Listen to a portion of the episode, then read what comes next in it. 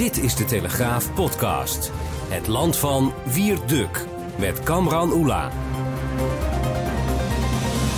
Ja, wekelijks analyseert onze verslaggever Wierduk natuurlijk weer nieuwsgebeurtenissen die hem die week hebben bezighouden. Dit is aflevering nummer 5 alweer. Ja, wie de vijfde alweer. Vind je het nog wel leuk? Uh, ja, het, gaat, het wordt alleen maar leuker, toch? Ja, je, ja. je, je komt ook elke wordt week goed beluisterd ook, zag ik. Mooi is dat eigenlijk, ja. hè? Dus, uh, en er zijn zelfs mensen die zeggen, joh, doe een uur. Dus een, een, uur van die duk, nou, dat lijkt me rijkelijk veel. Maar het is wel echt leuk dat mensen dat, uh, dat willen horen, kennelijk. Maar die mensen denken niet aan mij, want dan moet ik ook een uur weer met jou ja, hier dat, naast jou op een bank zitten. Dat, zal ik, dat zal ik ze vertellen. Van Cameron wil niet zo lang. We zitten er weer anders bij, want het is, er wordt een beetje verbouwd hier op de, op de, oh op de redactie. Dus Als mensen wisten hoe wij erbij zitten hier op die studio, wat niet echt een studio is. Nee, we zitten iedere week in een andere ruimte. Binnenkort niet meer, maar nu zitten we op een uh, zwarte bank op een tweezits met z'n tweetjes. Gezellig, toch? ja. Gelukkig. Het eerste onderwerp. Het, yes, uh, uh, maar trouwens over, de, over verbouwen gesproken. We zijn ook volop in ontwikkeling qua podcast. We hebben deze week trouwens ook de eerste De Zaak Ontleed opgenomen met rechtbankverslaggever Saskia Belleman. Luister die ook en laat ons trouwens weten ook wat je ervan vindt. Podcast.telegraaf.nl of via sociale media. Maar de komende 20 minuten gewoon het land van Wierduk. We gaan het hebben over Nigel Farage bij Jensen, over Jordan Peterson op de Universiteit van Amsterdam, over complotdenkers, maar eerst verkrachtingen in Duitsland. Zeker niet het meest vrolijke onderwerp om mee te beginnen, maar weer een gruwelijke verkrachting door een groep asielzoekers in Duitsland. Dit keer is het uh, slachtoffer een 18-jarige student in uh, Vrijburg. De verdachte, Syrische asielzoekers. Het leidt weer tot een uh, hele hoop heisa. Wiet, een verschrikkelijke, verschrikkelijke zaak natuurlijk, hè? -huh. zo'n zo verkrachting. Um, maar de reactie daarna is, ook, is natuurlijk ook weer heel erg heftig. Nou ja, wat er gebeurd is in Duitsland, hè, dat is dat we eigenlijk zien al een hele tijd dat er een soort epidemie zou je kunnen, bijna kunnen noemen van um, seksuele ubergrieven, zoals het dan heet, uh, plaatsvinden op uh, vrouwen en meisjes. Uh, die vaak gerelateerd zijn ook aan de vluchtelingencrisis. Dus mm -hmm. he, vaak zijn de daders dus asielzoekers of illegale. Um, die zijn binnengekomen toen met die uh, grote stroom vanuit, vanaf 2015. En het probleem hiervan is dat het telkens maar wordt ontkend. Je hebt dus in plaats dat de mensen zeggen van joh, dat is echt vreselijk. Hè? Daar moeten we iets aan doen. Um, want dat is maatschappelijk uh, vreselijk. Het is voor die meisjes in de eerste plaats en hun familie vreselijk. Vervolgens is het maatschappelijk heel erg, omdat het tot onrust leidt. En ook is het politiek uh, een probleem, omdat ook dit soort uh, misdaden ertoe bijdragen dat de rechtspopulisten van de AFD, uh, alternatief voor Duitsland, steeds populairder worden. En uiteindelijk zelfs hè, zal leiden tot het aftreden van Angela Merkel. We hebben al gezien dat ze als partijvoorzitter weggaat. Dus het staat allemaal in relatie tot elkaar. Maar wat doen de mensen nu, de meeste, en vooral ook de Duitse media, die zeggen. Um, ja, dit kunnen we niet toeschrijven aan die asielkwestie of aan die vluchtelingenkwestie. Want het is nu eenmaal zo dat uh, jongeren in bepaalde leeftijd, jonge mannen in een bepaalde leeftijd, hoe dan ook meer misdaden begaan. Dus ook verkrachtingen. En ja, onder die asielzoekers zitten nu eenmaal veel jongens in deze leeftijd. Dus is het eigenlijk ook wel logisch hè, dat deze jongens dus misdaden begaan. Want hun peers, zoals het heet, uh, van onder de etnisch Duitse jongens, ja, die begaan immers ook meer misdaden dan jongere of oudere jongens. Hè. En op die manier wordt telkens geprobeerd om dit maar goed te praten, te relativeren, te bagatelliseren. Dit loopt al een hele tijd. Hè, toen met die toestand toen in Keulen, weet je nog, met oud en nieuw. Dat werd ook maar weg van tafel geveegd en geprobeerd om in een doofpot te stoppen. Als je, als je de feiten benoemde, dat heb ik toen ook gemerkt, heel sterk. Dan werd je compleet gedemoniseerd door die, door die klasse. Um, maar goed, dat moeten ze vooral doen. Uiteindelijk is het, heeft het dus toegeleid dat uh, Angela Merkel nu op het vinkentouw zit. Omdat de Duitsers dus die um, kwestie van die immigratie zo slecht hebben aangepakt. Onder andere door om politiek correcte reden al dit soort dingen in de doofpot te stoppen. En, maar het volk, de mensen die hiermee te maken hebben dagelijks, hè, met hun dochters en hun vrouwen die daar aangevallen worden en verkracht worden, um, ja, die zien de feiten en die weten waar het vandaan komt. Maar, ja, die, maar je analyse is dus niet zozeer dat uh, um, verkrachtingen komen overal helaas voor. En, en, en ook, ook zeg maar in de, de oorspronkelijke Duitsers, om het even zo te, te, te zeggen. Um, maar het gaat om dat bij deze groep wordt het goed gepraat en dat zorgt, dat, dat lokt een bepaalde reactie uit. Ja, nou ja, het wordt, goed het wordt geprobeerd. Uh, er wordt geprobeerd om dit aan in de doofpot te stoppen. Want uh, de media die, uh, die schuiven dit vaak weg op een pagina ergens achteraf en zo. En er wordt inderdaad zelfs uh, ook nog wel door mensen gezegd van ja, maar ja, wat kun je verwachten ook van jongens uh, hè, die uit dat soort culturen komen en die worden opeens blootgesteld aan die meisjes die half naakt over straat lopen. En ja, dan, dan lok je ook bijna zelf uit. Zelfs dat soort geluiden hoor je. Ja. Dus, um, en het is allemaal dus dom en niet adequaat, omdat je met een probleem te maken hebt dat de kop moet worden ingedrukt. Um, maar ja, je zult zien dat dat nog een hele tijd gaat duren voordat je daar op een gewoon eerlijke en feitelijke manier over kunt uh, praten. En pas dan uh, kunnen de, ook de nodige maatregelen worden getroffen. En die, die groep die nu hè, gaat demonstreren, want de AFD had inderdaad weer een hè, opgeroepen dat uh, mensen moesten komen demonstreren mm -hmm. hier -hmm. tegen. Een paar honderd, voornamelijk mannen die dan op afkomen. -hmm. Wat zijn dat voor types? Je bent correspondent in Duitsland geweest. Je hebt een iets beter beeld van dan een gemiddelde Nederlander. Nou, het probleem met die alternatief voor Duitsland is, dat uh, vergeten mensen vaak, dat dat aan de ene kant een soort uh, conservatief burgerlijke partij is. Uh, populistisch aan de rechterkant.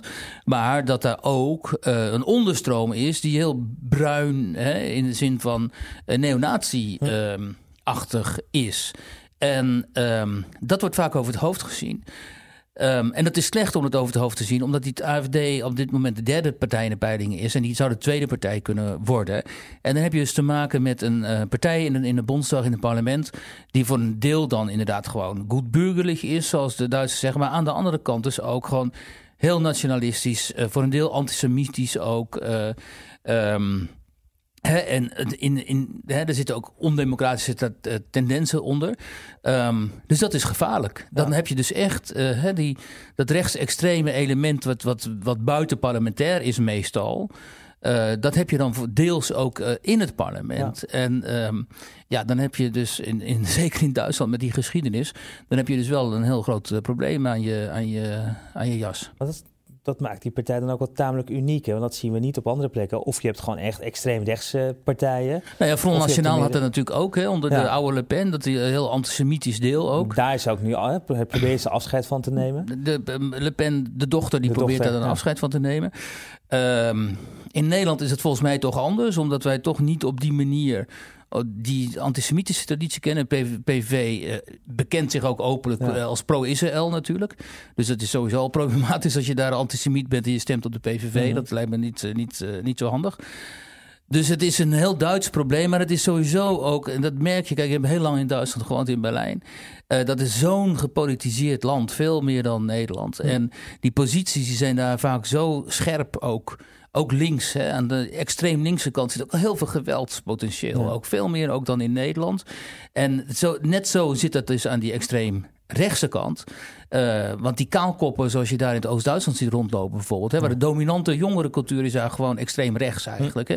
Ja, dat zie je in Nederland natuurlijk nergens. En een deel daarvan heeft zich dus nu zeg maar um, parlementair gemaakt.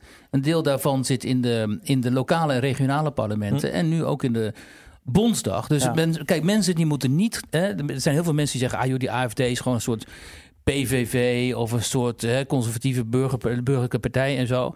Ja, uh, dat is voor een deel zo, maar voor een ander deel niet. En dat moet je niet bagatelliseren. Merkel gaat stoppen uh, na de volgende verkiezingen. Ja. In principe over drie jaar, maar dat kan natuurlijk ook eerder gaan plaatsvinden. Ja, want die coalitie van haar, die grote coalitie, dat is zo'n puinhoop. En die Sociaaldemocraten, die, uh, die, die, ja, die worden net als elders in Europa eigenlijk weggevaagd uh, op dit moment. Wat je ook alweer hè, lang had, had, kunnen zien aankomen, maar goed. Uh, dus het is maar de vraag of die, um, of die coalitie het houdt. Het interessante is wel, ik sprak met een goede vriend van mij, die is Duitsland kennen ook. En die zei van, het lijkt wel of um, een beetje de Republiek van Weimar-achtige toestanden op dit moment ziet in Duitsland. En dat, toen was er politieke chaos. En dat is, dat is ook wel een beetje zo. En die zei ook, wat je zult zien, is, en waar hij de Duitsers dan voor waarschuwt, hij mag dan altijd optreden in gezelschappen en zo. En waar hij dan de Duitsers voor waarschuwt, is, hij zegt van, over tien jaar zitten jullie met ook een Turkse partij, net zoals wij met Denk. En dan hebben jullie pas echt een groot probleem. En de Duitsers die denken dan, wij met de Turkse partij, natuurlijk niet. En dan verwijst hij even naar Denk. Hè, en dan zegt hij, jullie gaan net zo'n partij krijgen, opgericht door Erdogan. Al die Turken gaan daarop stemmen, althans heel veel Turken. En dan hebben mhm. jullie echt een enorm probleem. Uh, want heb je en extreem rechts en uh, en zeg maar de etnische stem, ja. moslimstem ook. Uh, in de Bondsdag, nou, ja. ga er maar aan staan. Ja, nou, we weten hoe dat bij ons soms aan toe gaat. Juist. En, en, dit is dan in het kleine, dan hebben we het over, over Duitsland in het grote. Nee. Nou, richting die Duitse verkiezingen, dat blijven we natuurlijk volgen in de, in de Telegraaf en ongetwijfeld ook in deze podcast. Jordan Peterson die was deze week de gast in uh, Nederland, onder andere bij Room for Discussion hè, bij de Universiteit van uh, Amsterdam. Dat gaf in de aanloop ook alweer genoeg uh, room voor discussie, zullen we maar zeggen. Kun je wel zeggen. 80 docenten, geloof ik, studentenorganisaties die eisten dat het tegengeluid zou zijn. Ja. Jij was erbij, allemaal ordentelijk verlopen. Ja, uiteindelijk verliep het uh, ordentelijk, zag het even niet naar uit. Kijk, die Jordan Peterson is een hele interessante figuur. We hebben hem in de krant gehad al een jaar geleden minstens. Toen was hij dat burgerinitiatief hier, de, de, de Nederlandse leeuw, waar hij sprak. Daar kwamen toen al heel veel mensen op af, hè? honderden. Um, Um, nou, 2000, ja, 2000, eh, zelfs. Ja, we, jij, waren allebei. Precies, ik, jij was er ook. Ja. Ik was die avond uh, ook gespreksleider. ja, ehm, precies. Dus uh, toen was hij nog cult eigenlijk, Jordan Peterson. Hè? Dat was echt een, een groot evenement voor de echte fans, de hardcore fans. En hij was toen ook nog niet uitgebreid geportretteerd in de media en zo. Dus um, Um, en sinds die tijd is hij dus uitgegroeid tot een internationale bestseller eigenlijk. Mm -hmm. Spreker in het internationale circuit, verdient ontzettend veel geld ermee. Zijn boeken zijn bestsellers. Uh, hij mag overal komen en nu was hij dus naar Nederland gekomen. En um, in mijn ogen is er helemaal niks mis met die man. Die vertegenwoordigt gewoon een soort nieuw, modern, uh, conservatief geluid. Um, in geen enkel opzicht extreem. Hij verzet zich erg tegen politieke correctheid, wat me enorm bevalt. Tegen al die onzin over gender en al die uh, diversity politics en zo, wat allemaal vreselijk is. En daar hakt hij heel eloquent en, in, en intelligent hakt hij daarop in. Dus het is allemaal een enorm genot om dat te mogen aanhoren en te mogen lezen en zo. En maar voor de extreem linkse types op de Universiteit van Amsterdam. Um, is dat allemaal, vormt dat allemaal kennelijk een bedreiging, die ideeën van Peterson. Dus zij had het idee opgevat om hem uh, niet te boycotten, want dat kan natuurlijk niet, want dan maak je jezelf belachelijk als je oproept tot een boycott. Maar te zeggen van ja, die man zijn ideeën die zijn zo, zo onwetenschappelijk en zo uh, omstreden, in hun ogen dan. Hè. Uh, er moet iemand naast zitten op dat podium om hem tegenwicht te geven. Dus het is enorm brutaal natuurlijk. Dat Room for Discussion heeft dus een format. Die interviewen, ja. dat zijn studenten en die interviewen ja. dan een gast. Maar als John en, en Sylvana Simons heeft er volgens mij ook gezeten. Toen hoefde er niemand op het podium naast te zitten en anderen ook niet. Het is toch krankzinnig? Als de directeur van Greenpeace er zit ja, of, uh, of Gloria Wekker daar zit, ja, dan mag het gewoon. En... De hypocrisie ervan is ook zo Kijk, als het niet zo verschrikkelijk was, is het natuurlijk ontzettend geestig allemaal. Maar goed, dus, dan komen ze dus met zo'n op hoge poten gestelde brief van... Uh, ja, dit mag niet en dit moet niet en weet ik veel wat allemaal wel moest en zo. Maar goed, die, die, die organisatie had dus de tegenwoordigheid vergeesten. Dan moet je ze toch ook wel weer nageven van, om, om daar niet op in te gaan. Mm -hmm. Dus die zeiden, nee, daar beginnen we niet aan. Um, maar we doen wel een Q&A, dus een uh, vraag en antwoord uh, wat langer dan. Dan maken we 20 minuten langer, dan kunnen jullie vragen stellen vanuit de zaal. Nou, die, ik was daar en die vragen, die kritische vragen, die zijn er niet gekomen. Want of ze kwamen niet aan het woord, dus ze kregen die microfoon niet. Of ze durfden niet of zo. Ik heb eigenlijk niet één kritische vraag gehoord. Maar volgens mij is dat en, trouwens ook wel de kracht van Jordan Peterson. Hij is onwijs eloquent ja. en, en intelligent. Ja. Dus ja, je, je kan Kijk, amper een discussie met die man aangaan. Ja, dat is natuurlijk het probleem met mensen als Peterson. Die zitten zo in hun materie en dan ook nog in, in dat Engels van hun. En hij is zo dominant, intellectueel ja. ook. Dus wil je met zo'n man in debat gaan, dan moet je echt het eerste paar weken voorbereiden. Ja. En dan moet je één op één met hem in debat gaan en dan nog verlies je het. Dus een vraag vanuit de zaal stellen en dan krijg je die hele retoriek van die Peterson over je heen. Ja. Uh, dat, dat moet je eigenlijk niet eens willen. Nee, dan ben je lost. Maar het interessante was wel uh, dat daar dus... Um, uh, bijvoorbeeld Sunny Bergman, die riep daar rond. Mm -hmm. Die maakt een documentaire nu over mannelijkheid, schijnt het. En mm -hmm. uh, die, die, zij was daar aan het filmen. En uh, Jort Kelder was daar. En nog allerlei andere mensen uit de, zeg maar de mainstream media. En ja. wat wij overigens ook zijn. En uh, grote stukken in de kranten en zo. Dus die, die Peterson is echt een fenomeen geworden. En wat ik interessant vind ook, is dat dan op Twitter en op social media... dan gaan dus alle usual suspects, hè, zoals de professor Leo Lucassen... en je hebt nog zo'n jongen, een archeoloog, Mico Floor en zo. En dan, de, de, dan zie je hoe ze losgaan tegen die Peterson. Ja. Hè, van, uh, en dan willen ze hem dus vooral op zijn academische credentials aanpa aanpakken. Van ja, dit is een charlatan en wij zijn wetenschappers. En die Peterson, waarom wordt hij heel überhaupt serieus genomen en zo? Want hij is is gewoon een soort, uh, hoe heet dat, um, academische uh, um, tovenaar. Dus um, mij verbaast wel mij verbaast toch, blijft toch altijd weer verbazen. Het, het ressentiment, dat, of hoe zeg je dat? Dat dit soort mensen weten op te roepen bij links. En dan de virulentie waarmee deze types van links, die toch ook gewoon hè, niet, niet dom zijn, maar dan daartegen de keer moeten denken te gaan. En ja, dat blijft mij fascineren. Ik moet er vaak ook wel om lachen, maar het heeft ook zoiets. Het zijn zulke dominees. Echt, het zijn zulke onvoorstelbare dominees. En, ja. De hypocrisie die, die druipt er dan vanaf. Ja. Wat trouwens mij bij Jordan Peterson uh, um, ook opviel toen in januari al. Dat, dat, ik, ik, ik kende hem alleen van wat video's uh, online en wat Mhm. fragmentjes en wat discussies. maar de populariteit, echt als een soort idool. Er stonden gewoon jongens, met name jonge mannen, Ja. Studenten, die stonden gewoon echt een half uur tot een uur in de rij. ja, dat zag ik ook toen. Om even één handtekening te halen, met hem een selfie te maken, een vraag aan te stellen. Ongelooflijk. Ja, hij is dus echt een goeroe geworden. Hè? En dat is eh, vooral voor jonge mannen, omdat hij, eh, zeg maar, in, in die boeken van hem en in die lezingen ook, die je op YouTube kunt vinden, daar heeft hij het veel over mannelijkheid en hoe een man te zijn in deze confuse en ingewikkelde wereld, waarin je als blanke man natuurlijk sowieso, hè, dus eigenlijk een war on white men gaande op dit moment. Dus als blanke man heb je het sowieso niet makkelijk. Eh, als je, je wordt van alle kanten aangevallen, want je bent namelijk schuldig voor alles. Hè, voor de, hoe, dat vrouwen ongelukkig zijn en dat zwarte mensen ongelukkig zijn. En, ehm, en Peterson geeft die jonge blanke mannen eigenlijk een soort nieuw houvast in die boeken van hem. En je ziet dus dat het eh, enorm aanslaat en dat hij voor heel veel van die jongeren echt een soort van uh, goeroe is geworden. Daar Ja. kun je natuurlijk ook weer van alles van vinden. Maar het blijft een interessant eh, fenomeen inderdaad. Die War on White Man, dat, eh, dat, dat nodigt uit voor heel veel eh, vragen. Misschien moeten we daar gewoon even een soort thema-uitzendingje van maken. eh, De War on. White ik Man, ja, dat zou een goed de- idee zijn. De, de twee dragende krachten aan de overkant en duimpjes gaan omhoog. Laten we dat, eh, dat zou echt misschien met een gast er ook bij. Ja. Sunny Bergman. Die, eh, nou ja, Sun- Sunny is volgens mij altijd wel bereid om eh, i- iemand te woord te staan. Wij organiseren ons eigen tegengeluid. Het, het, het was sowieso een zware week voor sommige types. Want eh, Jordan Peters was in het land. Maar ook Nigel Farage was in het land. En onder andere bij Jens. Laten we even luisteren wat hij daar te melden had. Talk about your country. I mean, do you think Mr. Rutter is any better than Mrs. May? Ooh, let me dodge that question. How was the weather today? Was Well, I mean, isn't the truth that You're not a Rutter fan? Come on, isn't the truth that your prime minister is not not much more than Mrs. Merkel's poodle, really? I mean, he just goes. that is true. Ja, je denkt even dat eh, een cabaretier, maar het is gewoon echt de voormalige UKIP-leider die Ja, eh, Theresa May de meest verschrikkelijke premier ooit noemt. En Mark Rutte het schoothondje van eh, Angela Merkel. ja, maar dat deed hij in het Europese parlement natuurlijk Ja. ook al. Hè. Die toespraken van Farage waren altijd eh, verschrikkelijk geestig. eh, altijd enorm lachen als hij weer Jonker of Timmermans onder handen nam en zo. En dat echt zo filijn hen weet te fileren altijd. Dus dit was gewoon een voortzetting eigenlijk daarvan.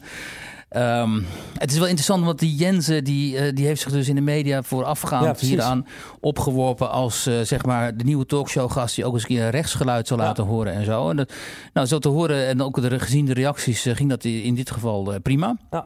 Ehm, en toch vind ik het een beetje jammer, hè, want eh, er is natuurlijk al jaren behoefte aan een degelijke talkshow die, waarin ook mensen op rechts op een goede manier aan het woord komen. Dus niet VVD'ers of, of niet VVD-politici of, of CDA-politici en zo die dan eh, vaak eh, gezien worden als dat zijn dan de vertegenwoordigers van rechts, maar gewoon mensen als Peterson bijvoorbeeld of, hè, of van dat kaliber. Ehm, in Duitsland heb je dat wel, vreemd genoeg. Duitsland is een heel politiek correct land, maar in de talkshows, je hebt echt een geweldige talkshow, bijvoorbeeld Hard Aber Fair. Daar komen al die mensen aan het woord, zowel van links als van rechts. En dan heb je een uur lang over één onderwerp. Bijvoorbeeld kun je hele goede debatten zien. En daar is behoefte aan, ook in Nederland, dat weet ik. Eh, bij de NPO die, begint, die doet dat gewoon niet. Die vinden dus dat Pauw en, en, en, en Jinek en zo, dat, dat die al voldoende eh, dat soort eh, thema's afdekt. Nou, dat vind ik helemaal niet. Want ja, als je bij Pauw zit, ik zit er ook wel eens, dan heb je toch altijd weer ook eh, René, René Vroger of zo tegenover die ook wat mag zeggen over jouw onderwerp. En dat is prima hoor, maar dat is entertainment. WNL op zondag is daar wel denk ik een beetje een soort mooie uitzondering op. Ja. Ja, maar het gaat ook niet over één thema. Nee, het gaat ook over Nee, allerlei dat- verschillende onderwerpen die ook in de actualiteit leven. Terwijl het, het zou heel mooi zijn als er één talkshow was met, eh, over één thema. Bijvoorbeeld Ja. immigratie, islam, eh, de zorg. hè, dat, want helemaal dat is die talkshow in Duitsland. Hè? Die pakken gewoon Ja. één onderwerp, een Ja. uur lang, gewoon één thema van alle precies. kanten. En dan echt van alle kanten. En het gaat er keihard aan toe. En het is super interessant. En, ehm, en nu moet ehm, Jensen dat doen. Op zijn manier dan. Dat geluid aan het woord laten. En- Maar het wordt toch weer een beetje entertainment. Dat is Hm. prima. Ja. Maar het zou ook wel eens leuk zijn om echt een keer een inhoudelijk eh, sterk eh, talkshow eh, te hebben. De titel hebben we al, van alle kanten. heel goed.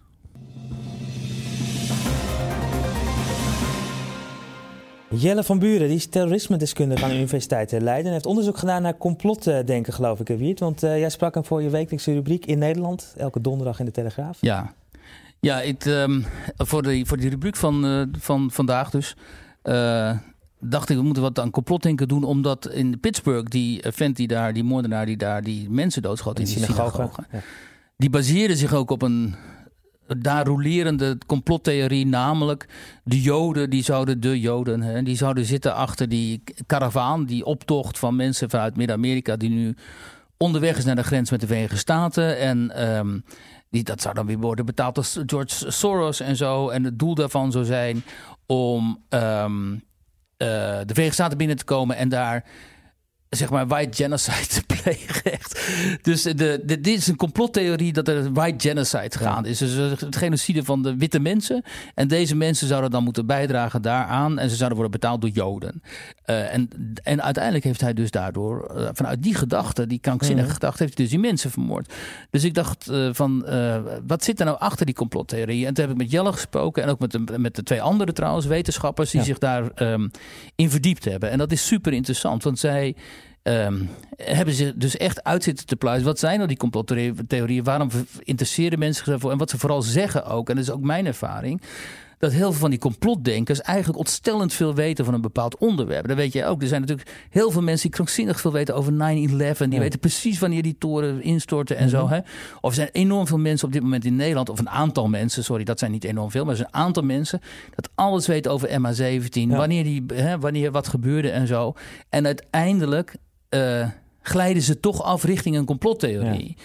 En dat zeggen deze mensen ook. Weet je, je kunt er ontzettend veel aan hebben. Want de, over die, die, die kennis die ze hebben, die is uh, enorm welkom. Maar waar nemen ze nou die afslag? En kijk, als je heel lang op social media zit, bijvoorbeeld, en dat maak ik ook veel gebruik van, dan kom je heel veel van dat soort mensen tegen. Maar je begint ook op een gegeven moment over de uh, de echte toedracht van de feiten, zeg maar, zoals, of de toedracht van de feiten zoals in veel media wordt weergegeven, begin je ook vaak te twijfelen. En dan denk je, ja, maar wat ik hier lees, dat spoort helemaal niet met wat, er in de krant, wat we in de krant hebben, bijvoorbeeld.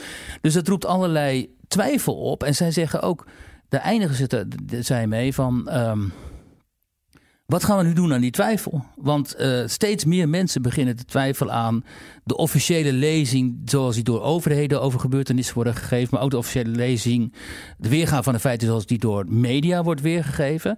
En uh, vertrouwen komt te paard, nee, komt te voeten, gaat te paard. Ja. Dat, is, uh, dat geldt voor heel veel media en heel veel politi politici wat, ook. Wat is de waarheid? Ja, dus je, de, de, je dreigt in een soort heel diffuus en chaotisch informatiesysteem te komen. En dat zie je echt op dit moment. Dat, ja. dat merk ik ook. Heel veel mensen hechten helemaal geen geloof meer aan de, aan de, aan de mainstream media. En geloven inderdaad steeds meer in die uh, complottheorieën. Hè? Bijvoorbeeld het belangrijkste, als ik nog even mag. Dat is dan dat de massa-immigratie zoals we die nu zien... Uh, dat, dat, dat daar ook een plan achter zit. Dat ja. er een plan achter zit om de, de bevolking van Europa te verdunnen. Hè? Thierry Baudet heeft het ook gezegd. Uh, zodanig te verdunnen dat mensen geen uh, binding meer hebben met de nazistaat. Waardoor die nazistaten makkelijker kunnen opgaan in de federaal Euro Europa. En dat zou de elites, politiek, uh, de zakelijke elite heel goed uitkomen. Want dan heb je gewoon heel diffuus, hele diffuse bevolking van mensen die geen binding meer hebben aan de nationale staat. Maar wel aan Europa. Zeker als Europa hen heeft binnengehaald als immigrant. En die zijn makkelijker te controleren. Nou, heel aantrekkelijke complottheorie ja. lijkt mij voor mensen die tegen immigratie zijn. Dus stel daar maar eens een. Weet je, stel daar maar eens een sluitend betoog tegenover. als je weet dat binnenkort het Marrakesh-verdrag gaat worden getekend. waarin in principe de internationale leiders uh, immigratie gaan aanmoedigen. Nou, dat is wel de vraag van de week, uh, ja. lijkt mij even nu. Ja, dat thema dat, uh, dat, dat is heel actueel en, en, en, speelt ook. Maar dit heeft natuurlijk ook alles te maken met een beetje die, die verschuiving van fact-checking naar crowd-checking. Waar het om feiten gaat, is nu van ja, als, de, als een deel van de massa A zegt, ja, dan is A gewoon de waarheid. En, ja, dat en, is dus... en dan gaan mensen achteraan lopen en, en, en gaat dan maar laten zien dat het echt niet feitelijk klopt.